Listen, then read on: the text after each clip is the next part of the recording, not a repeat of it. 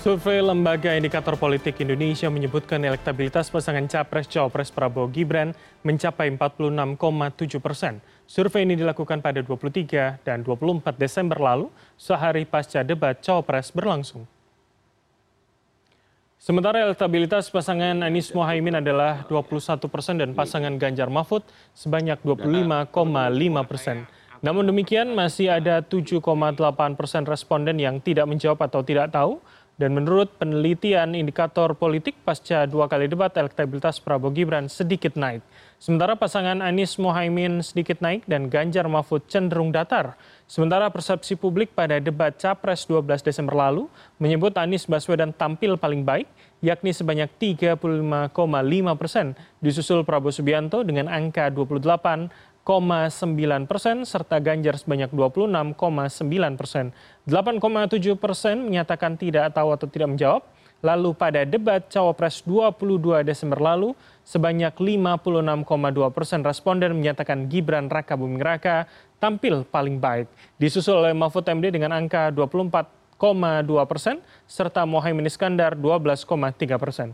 Sebanyak 7,3 persen responden menjawab tidak tahu atau tidak menjawab, dan survei indikator politik Indonesia dilakukan dengan cara telepon terhadap 1.217 responden secara geografi dan keterwakilan pihak indikator mengklaim survei sudah proporsional dengan margin of error 2,9 persen dan tingkat kepercayaan mencapai 95 persen.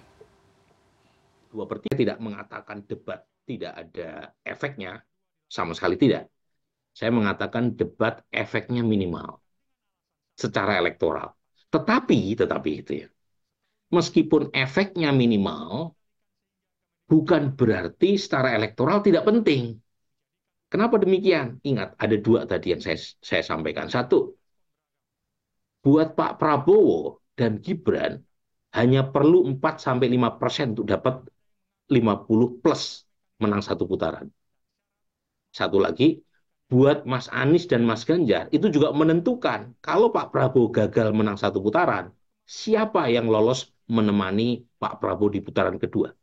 Jadi meskipun efeknya kecil, tanda kutip ya, karena swing votersnya tinggal 13 sampai 23, tetapi efek yang kecil itu sangat konsekuensial dalam menentukan apakah satu putaran atau dua putaran Pasca debat kandidat Capres dan Cawapres 2024 yang sudah berlangsung sebanyak dua kali, menarik untuk melihat sejauh mana dampak dari debat bagi elektabilitas para paslon. Mana yang kemudian lebih unggul dan juga menarik perhatian publik, dan benarkah soal klaim satu putaran mungkin terjadi jika dilihat dari gelaran debat tersebut. Dan untuk menjawab serta menganalisanya sudah bersama kami dari luar studio. Pertama adalah Ketum Persepi Perkumpulan Survei Opini Publik Indonesia, Philip Vermonte, dan juga peneliti indikator politik Indonesia, Bawono Kumoro. Selamat malam, mas-mas kalian apa kabar? Malam Mas Bram, kabar baik. Malam Mas Bram, baik. Oke, alhamdulillah. Mas, mas Philip. Alhamdulillah dalam kabar baik Mas Philip dan juga Mas Kumoro. Saya ke Mas Kumoro terlebih dahulu. Jadi dalam survei Anda, indikator politik Indonesia, angka yang uh, cukup besar begitu ya kalau tidak salah 46, sekian persen untuk Prabowo Subianto. Seberapa kemudian porsi dari debat capres dan cawapres kemarin mempengaruhi begitu, Mas uh, Bawono? Ya terima kasih Mas Bram. Ya uh, pertama uh, survei yang kami lakukan uh, 23 dan 24 Desember lalu adalah survei telepon ya. Mengapa survei telepon? Karena kami ingin melihat secara lebih uh, cepat apakah ada dampak atau efek elektoral terhadap uh, pasangan calon pasca dua kali debat uh, capres dan cawapres. Hmm. Uh, yang kedua, kalau kita uh, lihat dari pergerakan uh, elektoral pasangan calon pres pasangan calon presiden, ketiga pasangan calon presiden ini dibandingkan uh, survei yang uh, juga pernah kami rilis sebelum debat capres maupun cawapres, uh, terlihat tidak terlalu banyak pergerakan ya, pergerakan elektoral dari tiga pasangan calon ini. Oke. Uh, jadi pasangan calon nomor eh, nomor dua uh, ada kenaikan, tapi uh, tidak terlalu signifikan. Begitu juga dengan pasangan calon nomor satu dan ada penurunan di pasangan calon nomor uh, tiga gitu ya. Baik, baik. Jadi memang uh, dampak elektoral dari debat ini itu tidak terlalu signifikan dalam arti uh, kemudian menciptakan volatilitas pergerakan suara secara besar-besarannya dari ketiga pasangan calon tersebut. Oke oke, Mas ini yang menarik juga dalam survei Anda kalau saya tidak salah mencuplik adalah debat capres hanya disaksikan sekitar 42 persen uh, responden Anda, kemudian debat cawapres yang sekitar 35 persen begitu. Nah artinya kalau Anda katakan tadi tidak terlalu signifikan kenaikan yang terjadi pada uh, data Anda begitu, ini sebetulnya uh, Uh, bagaimana kemudian kita publik melinearkan kemudian temuan dua temuan itu, Mas uh, Bawono? Ya, memang uh, uh, hal yang paling uh, menentukan kenapa uh, debat capres itu tidak terlalu memberikan dampak uh, perubahan elektoral secara secara berarti gitu. Mm -hmm. Lebih kepada masing-masing uh, pasangan calon ini sebenarnya sudah memiliki strong voter yang sangat kuat gitu ya, dalam jumlah yang sangat besar. Kalau kita lihat data survei uh, di awal Desember yang kami lakukan, baik pasangan nomor satu, nomor dua maupun nomor tiga itu strong voternya itu sudah mendekati angka 80% gitu ya. Oke. Okay. Bahkan pasangan calon nomor 2 itu 81%. Strong voter ini adalah mereka yang mengaku uh, kecil kemungkinan atau hampir tidak mungkin untuk merubah pilihan mereka gitu ya.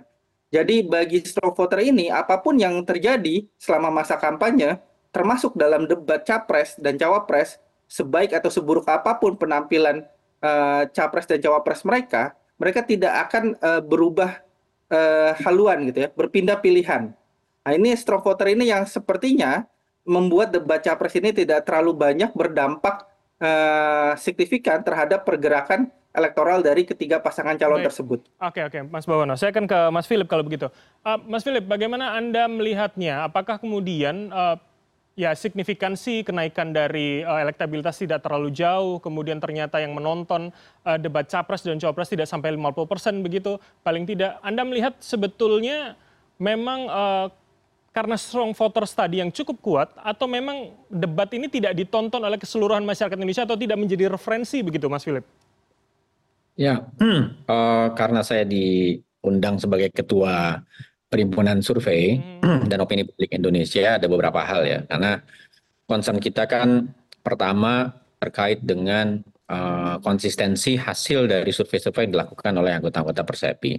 Ya. Yang kedua, apakah kita melakukan survei dengan metodologi yang robust yang bisa uh, menjadi rujukan uh, terhadap hasil dari apa yang ditemukan uh, melalui survei di lapangan.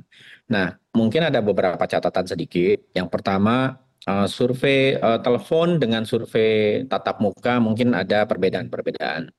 Uh, dalam survei telepon tidak banyak yang bisa ditanya karena orang uh, dihubungi melalui telepon dan mungkin saja enggan uh, menjawab secara serius misalnya atau juga tidak bisa ditanyakan uh, pertanyaan yang terlalu banyak gitu sehingga hmm. mungkin ruang terbatas hanya pertanyaan-pertanyaan penting yang bisa ditanyakan. Yang kedua uh, tadi siang kebetulan saya menjadi pembahas dalam uh, launching survei ini uh, Mas uh, Kumoro dan teman-teman indikator uh, survei telepon yang uh, sekarang banyak dilakukan sebetulnya kan dimulai waktu kita uh, pandemi ya pandemi karena uh, tidak boleh orang uh, mengumpulkan data di lapangan gitu. Sehingga uh, mulailah dilakukan survei telepon secara lebih intensif. Dan tentu saja ada persoalan-persoalan uh, dan uh, tantangan ya. Saya nggak bilang persoalan tantangan-tantangan yang sifatnya metodologis. Misalnya uh, apakah efek debat kalau dalam kita membicarakan survei yang disampaikan teman-teman indikator hari ini hmm. apakah misalnya sequence uh, pertanyaan itu berpengaruh terhadap uh, penyimpulan-penyimpulan yang kita buat gitu kan.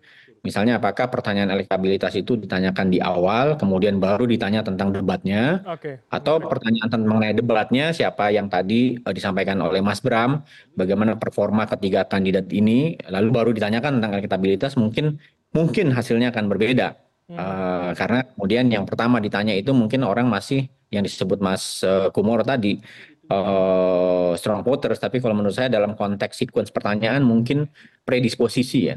Jadi orang sudah punya predisposisi di awal ketika ditanya kalau ada pemilu hari ini siapa yang akan Anda pilih, uh, dia akan menjawab A, B atau C, tetapi kemudian baru ditanya tentang survei, eh, tentang debat dan kemudian ditanya tentang performance di debat gitu. Dan mungkin uh, hasilnya ketika ditanyakan lagi, kalau setelah menonton debat ini Anda kira-kira akan memilih siapa atau apakah Anda akan mengubah pilihan? atau apakah Anda akan menunggu debat berikutnya dan lain-lain mungkin hasilnya akan uh, sedikit berbeda. Mungkin itu uh, sebagai uh, pengantar awal. Oke, okay, Mas Philip, kalau begitu saya tanyakan kepada Anda sebagai analis uh, pakar politik begitu ya. Kalau Anda tadi mengatakan di jawaban pertama sebagai ketua Persepi. Tapi bagaimana soal angka ketika ternyata yang menonton tidak sampai 50%, debat capres hanya 42%, debat cawapres 35%. Apakah memang kemudian uh, gelaran debat capres dan cawapres ini belum menjadi referensi uh, bagi secara umum uh, pemilih yang ada di kita begitu, Mas Philip? Uh, tadi ada beberapa hal juga ya. Uh, hari ini orang yang menonton karena konstruksi pertanyaannya kalau saya nggak salah adalah apakah menonton siaran langsung okay. uh, di hari debat. Sementara hari ini orang mungkin bisa menonton setelahnya, Mas. Hmm. Mungkin dia nonton rekamannya di YouTube, mungkin dia menonton cuplikan-cuplikannya di kanal-kanal uh, sosial media, entah di TikTok, di Instagram, di Twitter dan lain-lain. Sehingga Eh, mungkin hari ini karena penayangan eh, tidak hanya debat capres, tetapi tayangan-tayangan yang ada di televisi itu bisa eh, ditonton orang eh, dalam bentuk misalnya siaran eh, apa dia nonton sesudahnya gitu. Jadi eh, saya duga sebetulnya angkanya juga bisa lebih dari itu yang terekspos pada eh, debat baik capres maupun cawapres gitu. Jadi mungkin angkanya sedikit Uh, mungkin lebih tinggi, uh, tapi paling tidak mungkin 50 persenan saya kira, dan itu jumlah yang besar, uh, Mas Bram. Kalau kira-kira orang yang menonton 50 persen dari 200 juta uh, pemilih ya kan, mm. sekitar 200 juta pemilih, itu ada 100 juta orang yang nonton kira-kira, yang terekspos pada debat. Jadi menurut saya itu angka yang sebetulnya cukup tinggi juga. Oke oke, tadi uh, pun terlepas itu dari strong voter dan tidak kemudian yang dijelaskan oleh Mas Bawono. Saya akan ke Mas Bawono lagi. Yang menarik dalam survei Anda juga ini uh, Anda meng mengkategorikan soal bagaimana tampilan, bagaimana program kerja dan juga cara penyampaian begitu, uh, Mas Bawono. Tapi yang ingin saya tanyakan, mengapa kemudian ini tidak terlalu linier dengan uh, elektabilitas pada hasil akhirnya begitu? Apa apa yang kemudian bisa anda jabarkan dari temuan ini, Mas Bawono? Ya, uh, uh, beberapa bagian yang juga menarik dalam uh, survei yang kami lakukan adalah uh, misalnya dalam debat pertama uh, sebagian besar uh, responden yang, menyaksikan debat menilai bahwa Anies Baswedan itu memiliki artikulasi yang baik dibanding dua capres yang lain. Kemudian di debat kedua, di debat antar cawapres, uh, mereka yang menonton uh, debat tersebut, menyaksikan debat tersebut, menilai uh, Gibran uh, Raka Buming Raka lebih uh, artikulatif ketimbang dua cawapres yang lain, gitu ya. Jadi memang uh, debat ini juga uh, menghadirkan penilaian dari mereka yang menonton terhadap performa dari masing-masing capres dan cawapres tersebut gitu. Nah, yang uh, juga menarik dari temuan survei ini adalah pada pemilih uh, Ganjar Mahfud maupun juga pemilih Anies uh, Baswedan dan apa dan uh, Muhaimin Iskandar bagi mereka menyaksikan debat itu memiliki dampak uh, sedikit kenaikan ya hmm. terhadap dukungan kedua pasangan calon tersebut dibanding dari basis pemilihnya Pak Prabowo dengan Mas Gibran gitu ya baik menonton debat maupun tidak menonton debat itu relatif uh, sama tidak hampir tidak ada dampaknya terhadap hmm. dukungan uh, pasangan calon nomor dua ini hmm. jadi memang debat ini uh, sekali lagi tidak terlalu memiliki dampak elektoral yang uh, besar dalam arti menciptakan volatilitas dukungan pemilih ya dari masing-masing pasangan calon. Hmm. Tapi meskipun begitu, debat ini bukan berarti tidak penting. Dia tetap penting hmm. sebagai salah satu sarana medium bagi pemilih untuk mengevaluasi dan juga menilai apa saja janji-janji yang sudah disampaikan oleh uh, para pasangan calon untuk kemudian ditagih ketika uh, mereka menjalankan pemerintahan gitu ya. Hmm. Yang kedua, debat ini juga penting bagi mereka yang uh, masih bersikap undecided voter. Baik, baik. Oke, Mas Bowono. Jumlahnya tidak jumlahnya mungkin tidak terlalu besar, tidak lebih dari 8% kalau hmm. dari uh, survei indikator. Tapi 8% ini kemudian itu menjadi penting dan menentukan baik dari perspektif uh, pasangan calon uh, nomor dua maupun dari sisi pasangan calon nomor satu dan nomor tiga. Baik, okay. Bagi pasangan calon nomor dua, kalau undecided voter ini bisa diyakinkan, maka mereka tentu uh, target untuk satu putaran akan mungkin tercapai. Okay, Tapi Mas sebaliknya, ya. Ditahan dulu, apalagi Anda tadi sudah menyebut uh, kemudian target satu putaran, karena di segmen berikutnya saya akan lebih dalam lagi menanyakan soal itu dan bagaimana kemudian kemungkinan soal satu putaran bersama dengan Mas Bono dan juga Mas Philip Vermonte yang akan masih bergabung sama kami. Dan untuk itu pemirsa, kami akan jeda sejenak, tetaplah bersama kami di Pilihan Indonesia.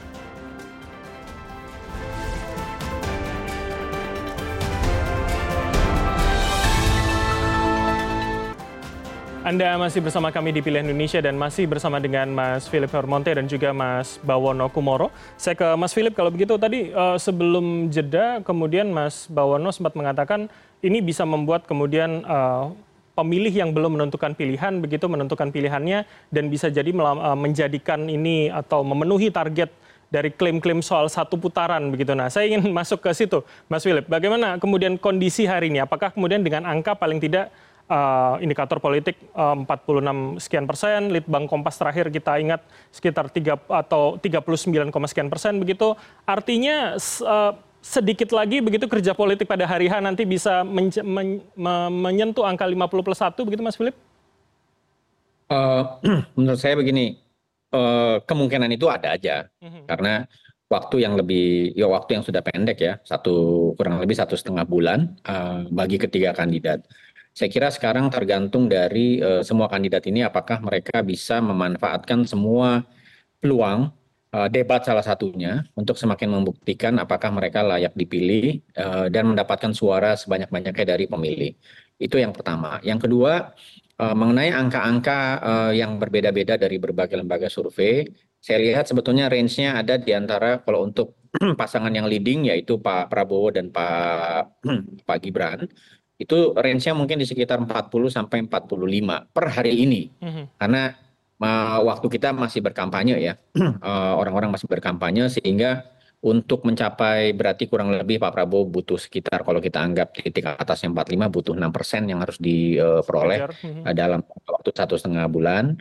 Uh, dan sementara di sisi yang lain kandidat-kandidat nomor uh, Pak Pak Pak Anies dan Pak Ganjar itu adalah bagaimana kalau Pak Prabowo tidak bisa mencapai 50 tentu saja bagaimana siapa yang akan menuju uh, putaran uh, kedua. Mm. Dan kalau kita lihat sebetulnya ada tren yang uh, agak menarik gitu ya.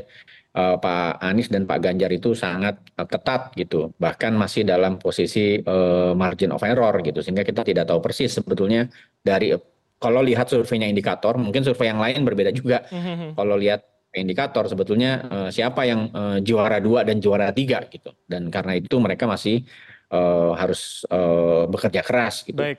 dan kalau kita lihat uh, tren mengecilnya jarak itu sebetulnya dalam uh, beberapa pilpres kita itu terjadi gitu karena ada efek kampanye ini yang kampanye bukan hanya capres uh, Mas Bram -hmm. caleg di lapangan itu juga berkampanye untuk dirinya sendiri dan untuk capresnya okay, baik. karena mereka sama-sama tergantung gitu, baik dengan capresnya dan juga dengan uh, dirinya sendiri untuk menang. Jadi ada efek kampanye yang mungkin masih harus kita lihat beberapa minggu ke depan. Oke oke benar sekali karena apalagi dengan uh, waktu yang berbarengan begitu ya pileg dan juga pilpres ini ya. menjadi ya. keuntungan tersendiri. Tapi sebelum saya melanjutkan dengan Mas Philip, saya ingin tampilkan terlebih dahulu ini ada uh, grafik quotes begitu dari Fahri Hamzah.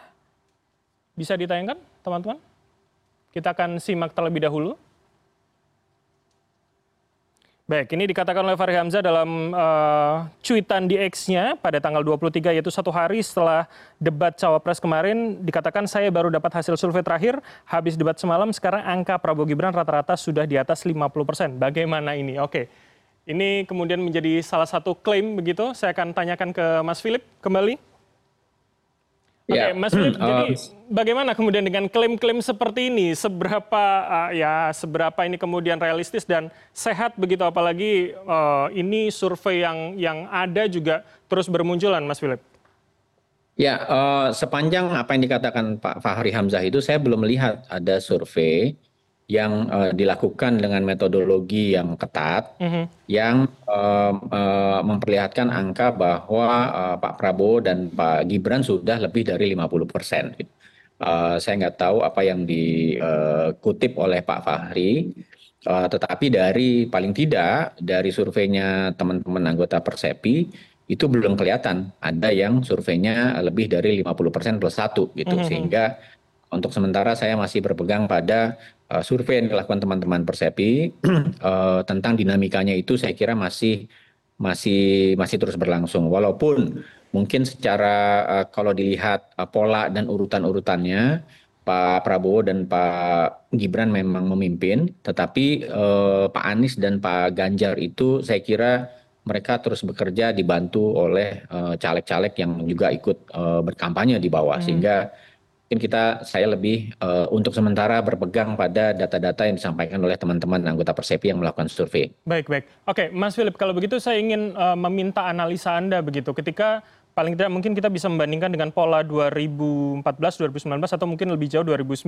begitu ketika uh, calonnya juga ada tiga pasang seperti hari ini. Mana yang lebih mungkin ketika uh, ya hari ini misalkan uh, kita mengikuti survei indikator yaitu 46 persen itu bisa naik 6 persen hingga 51 dan yang kemudian yang lain akan jauh tertinggal atau kemudian yang angkanya paling tinggi ini stuck dan lainnya itu menyusul mana mana pola yang lebih mungkin terjadi kalau melihat kondisi hari ini Mas Philip? Kalau kita lihat pada survei eh, di 2014 ya, hmm. mungkin uh, itu agak paralel karena waktu itu sebetulnya tidak ada incumbent, tidak ada incumbent yang bertarung. Itu uh, di seminggu dua minggu terakhir itu uh, Pak Prabowo mengecilkan jarak sebetulnya sampai uh, mendekat enam uh, persen gitu. Tetapi itu pun uh, waktu itu belum bisa untuk uh, mengejar gitu ya. Tetapi waktu itu tidak ada incumbent dan tidak ada uh, misalnya efek SBY gitu kira-kira. Okay. Kalau sekarang dari uh, berbagai hasil lembaga survei kelihatan sekali bagaimana uh, efek dari popularitas Pak Jokowi, tingkat approval rating Pak Jokowi itu sangat uh, berpengaruh kepada elektabilitas calon-calon ini.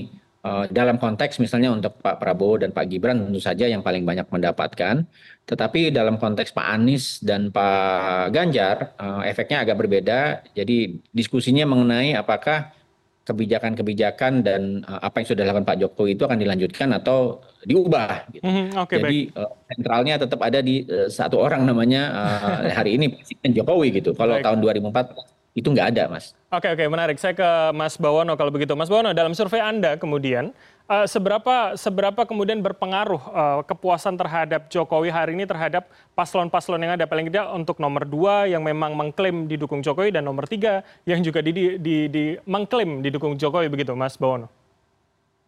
Iya, Mas Bram.